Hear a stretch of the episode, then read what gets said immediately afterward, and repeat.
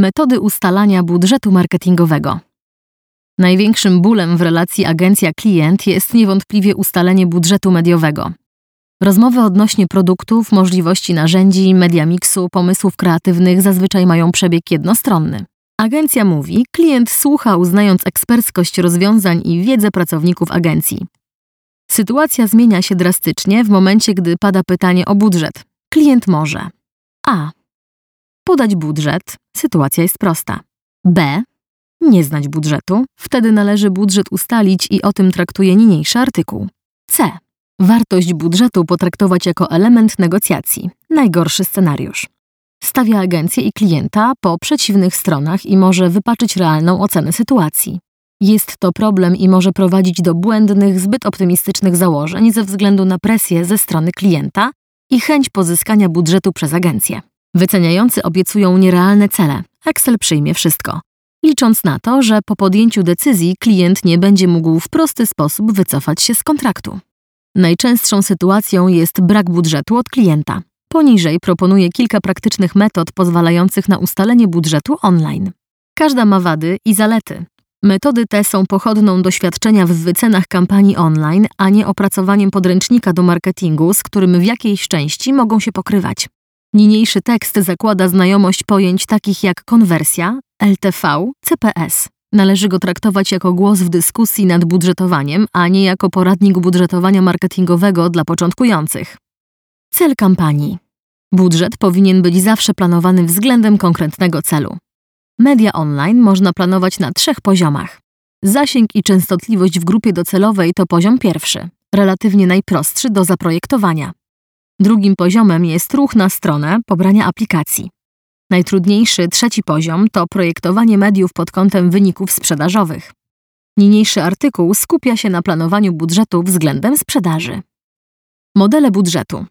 10 tysięcy złotych. Innymi słowy, może być to arbitralna liczba, którą firma jest w stanie wydać. Jest to najprostszy, ale nie najgorszy model rozpoczęcia rozmów o budżecie. Kwota ta powinna być na tyle niska, by mogła być zaakceptowana jednoosobowo. Zalety. Proste do ustalenia. Łatwo określimy, które narzędzia są dla nas dostępne, a które nie. Wady. Powolne sprawdzanie narzędzi online, zbyt mały budżet na równoległe testy, wybór początkowych kanałów na podstawie opinii planującego kampanię. Jest to model zaskakująco skuteczny, bo pozwala na szybkie rozpoczęcie działań.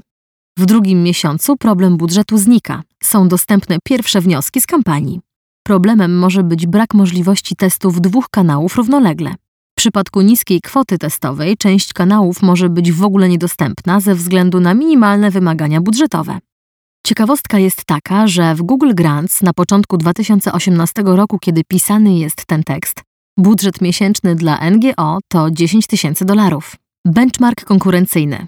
Model wykorzystywany przy kampaniach zasięgowych, gdzie celem jest osiągnięcie udziału w całościowej komunikacji share of voice. Podejście to jest użyteczne w przypadku, gdy nie mamy możliwości prostego zdefiniowania konwersji, co ma miejsce w przypadku większości produktów klasy FMCG. Problematyczne jest uzyskanie wiarygodnych danych. Można opierać się na informacjach przekazywanych w publicznych materiałach, case studies z konferencji, informacje giełdowe, analizy sektorowe czy wiedzy byłych pracowników, o ile nie łamie to umów. Posiadając wiedzę na ten temat, jesteśmy w stanie zaprojektować budżet w relacji do konkurencji. Wadą jest brak wiedzy o miksie mediowym, efektywności działań konkurencji.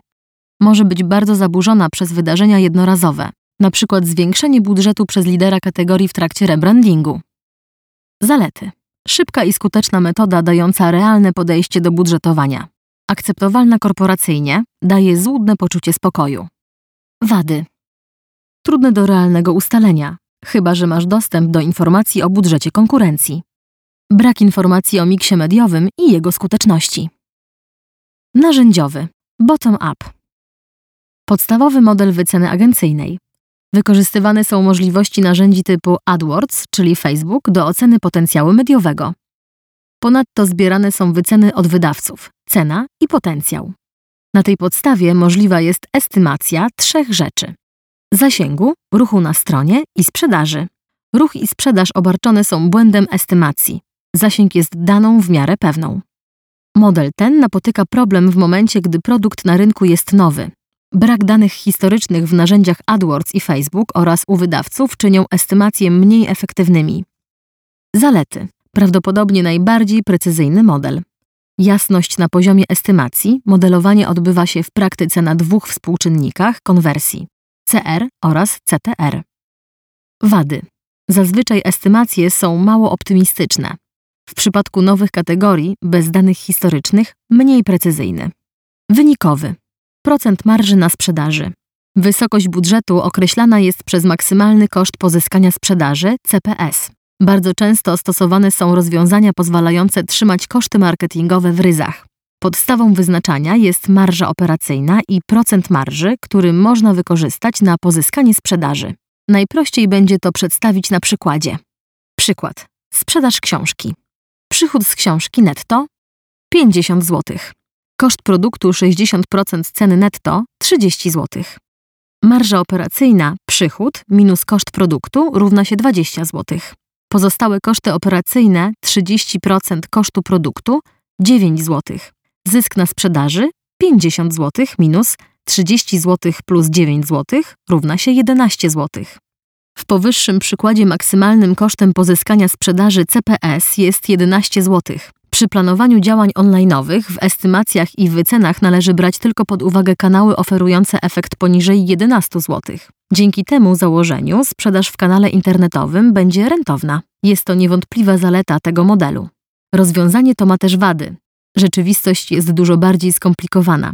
Powyższy model nie uwzględnia efektów, których nie jesteśmy w stanie zmierzyć, takich jak sprzedaży z ruchu bezpośredniego. Drugim problemem jest to, że klient raz pozyskany z droższego kanału, np. w cenie 30 zł, może dokonać powtórnego zakupu bezpośredniego. Efektem jest sztuczne ograniczenie potencjału. Panaceum na ten problem jest, trudne technicznie, wyliczenie wartości życia klienta LTV, które pozwoli na ustalenie wyższego docelowego CPS. Efektem tego będzie wyższy budżet i więcej sprzedaży. Zalety. Bezpieczny dla budżetu marketingowego, chyba że część mediów jest estymowana. Wymaga zrozumienia biznesu i próby określenia marży oraz CPS. W przypadku, gdy oparty na realnym LTV, może być bardzo skuteczny. Wady. Może być zbyt niski, jeśli oparty na marży z pierwszej sprzedaży, a nie LTV. Trudny do zakupu. Zarządzenia, jeśli media nie chcą rozliczać się w modelu CPS-CPL. Wynikowy. Top-down. Tak zwany model szefa. Ma on zastosowanie w przypadku, gdy cel, najczęściej sprzedażowy, narzucony jest z góry, wygenerować x sprzedaży po koszcie nie wyższym niż y CPS. Budżet jest efektem mnożenia liczby sprzedaży razy CPS. Za takim podejściem stoją najczęściej założenia biznesowe. Realizacja budżetu oznacza zazwyczaj sukces finansowy projektu. Takie podejście można oceniać z dwóch stron. Z jednej strony może być to kompletnie błędne myślenie, nie mające żadnego odzwierciedlenia w cenach rynkowych. Z drugiej pozwala na maksymalne zmotywowanie prowadzących kampanii, jeśli cel jest możliwy do realizacji, ale ambitny. Zalety. Nie musimy budżetować, mamy z góry określony cel.